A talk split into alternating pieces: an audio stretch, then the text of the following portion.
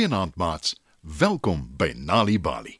Vanaand se storie, Die verlore kat, is geskryf deur Pulani Maglasela. Skyf nader en spits julle oortjies. Kali is 'n 7-jarige seentjie wat saam met sy mamma op 'n klein dorpie in Noordwes provinsie bly. Die dorpie se naam is Pomolong. Hulle bly in 'n woonstel op die grondvloer en hulle het 'n klein tuintjie waar sy mamma blomme en 'n bietjie groente plant. Kali se mamma is lief vir tuinmaak en sy is trots op haar tuintjie. Kali is 'n gelukkige seentjie. Maar daar's net een ding wat hom baie pla. Hy het nie 'n troeteldier nie. Hy vra omtrent elke dag vir sy mamma. Mamma, mag ek asseblief 'n kat of 'n klein hondjie kry om mee te speel? Maar dan antwoord mamma: Jy is nog te klein om 'n troeteldier te versorg. Miskien as jy bietjie ouer is. Dit maak Kali baie hartseer. Al sy maats se troeteldiere en hulle vertel hom gedurig hoeveel pret dit is om met hulle honde of katte te speel. En toe, een Saterdagoggend, terwyl Kali in hulle kombuis op die vloer met sy karretjie speel, kyk hy op en hy sien 'n kat by hulle buitedeur staan. Die kat is spierwit en sy kyk nuuskierig na Kali deur die glasdeur. Mamma, kom gou. Kom kyk, ons het 'n klein besoeker by ons agterdeur. Roep Kali. Ek kan nie nou nie, Callie. Ek is besig in die tuin. Antwoord sy mamma. Asseblief, mamma, dis belangrik. Kom kyk asseblief wat ek gekry het. sê Kali. Hy maak die agterdeur oop en tel die kat op.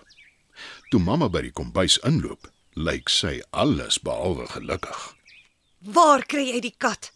Hoeveel keer het ek vir jou gesê jy kan nie 'n troeteldier kry nie? Jy's te klein om 'n dier te versorg. Vat die kat dadelik uit en maak toe die deur. Raas mamma. Kali maak soos mamma sê, maar hy is baie hartseer. Hy huil saggies toe hy die kat buite neersit en die deur toemaak. Hoekom huil jy? Vra mamma sag. Ek wou regtig graag die kat gehou het. Sy is so vriendelik en haar pels is so sag. Antwoord Kali tussen die trane deur. Ons kan nie net die kat hou nie, Callie. Sy's nie ons se nie. Miskien het sy weggeloop en haar eienaar soek nou na haar. sê mamma en sy vee Callie se trane af. Callie het nie daaraan gedink nie. Miskien behoort die kat tog aan iemand en die eienaar is dalk nou baie hartseer omdat sy weg is. En miskien kry die kat wel haar pad terug na haar huis toe. Callie gaan sit toe maar weer op die kombuisvloer en speel verder met sy karretjies. Maar nie lank daarna nie, hoor hy iets krap aan die deur. Hy kyk op en sien die kat is nog steeds daar. En sy wil inkom, Mamma, die kat het teruggekom. roep Callie vir sy mamma. Mamma is nogal bekommerd toe sy die kat by die agterdeur sien sit. Die arme dier kyk na hulle en sy miau hartseer. Mamma maak die deur oop, tel die kat op en bring haar in. Dit word donker. Die kat kan maar so lank inkom, maar ons moet haar eienaar in die hande kry. sê mamma vir Callie. Callie is nou baie opgewonde. Al het hy die kat net vir 'n klein rukkie, is dit darm beter as niks nie. Hy tel die kat versigtig op. Toe sien hy iets om haar nek. Kyk mamma, die kat het 'n halsband en daar is 'n telefoonnommer daarop. Miskien kan ons haar eienaar bel. sê Callie. Mamma kyk na die telefoonnommer op die halsband, maar twee van die nommers is dof en afgevryf en sy kan hulle nie uitmaak nie. Die kat sal vanaand hier moet bly. Maar môre soek ons haar eienaar. Sê mamma. Sy kan in my kamer slaap.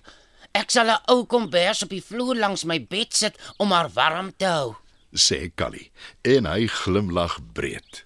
Dis 'n slim plan. Ek kry gou vir jou 'n ou kombers. antwoord mamma. Terwyl mamma die kombers gaan haal, skink Callie melk in 'n bakkie vir die kat. Jy seker honger. sê hy en streel oor die kat se kop. Net toe kom mamma by die kombuis ingeloop met die kombers. Sy sien hoe die kat die melk drink wat Callie vir haar gegee het en sy glimlag. Miskien is hy tog oud genoeg om 'n troeteldier te versorg. Die volgende oggend vat mamma en Callie die kat van huis tot huis en vra almal of sy dalk hulle sin is. Maar niemand ken die kat nie. Mamma en Callie maak plakkate met 'n foto van die kat en hulle telefoonnommer. Hulle sit dit op teen lamppale en ook by die winkel in hulle buurt. Maar niemand bel oor die kat nie. Na 'n paar dae sê mamma: Callie, ek dink ons moet maar die kat hou. Ek dink nie sy het 'n eienaar nie. En ek dink jy is oud genoeg om haar te versorg. "Callie kan nie ophou glimlag nie. Hy is so gelukkig dat hy uiteindelik sy eie troeteldier het. En hy noem die kat Sneeuwtjie omdat haar pels so spierwit is. Callie is baie lief vir sy kat en hy versorg haar elke dag. Sy mamma is ook lief vir die kat. En die twee van hulle is bly dat Sneeuwtjie nie meer 'n verlore kat is nie. Sy het nou 'n huis en sy is hulle sin.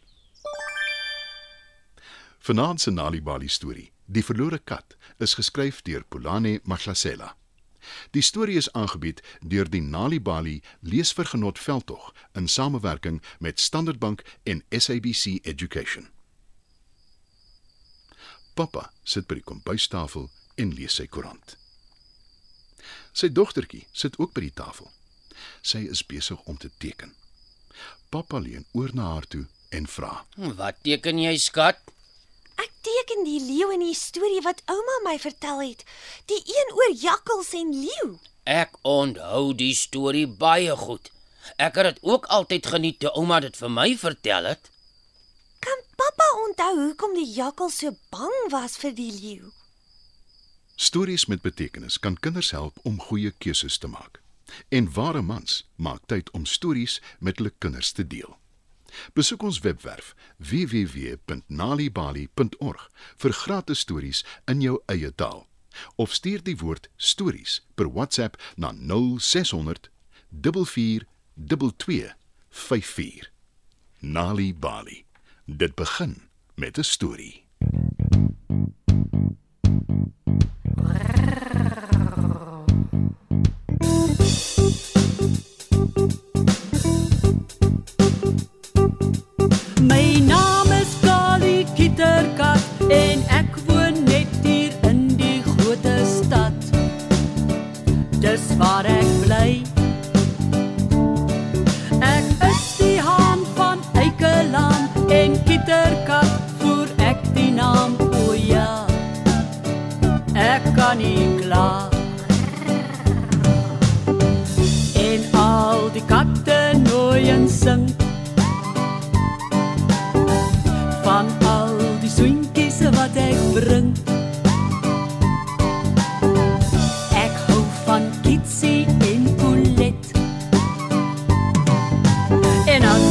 Ek in die straat afstap, dan weet ek watter nooi ek het. My naam is Kali Kitterkat en ek dra elke dag my Sondagpak.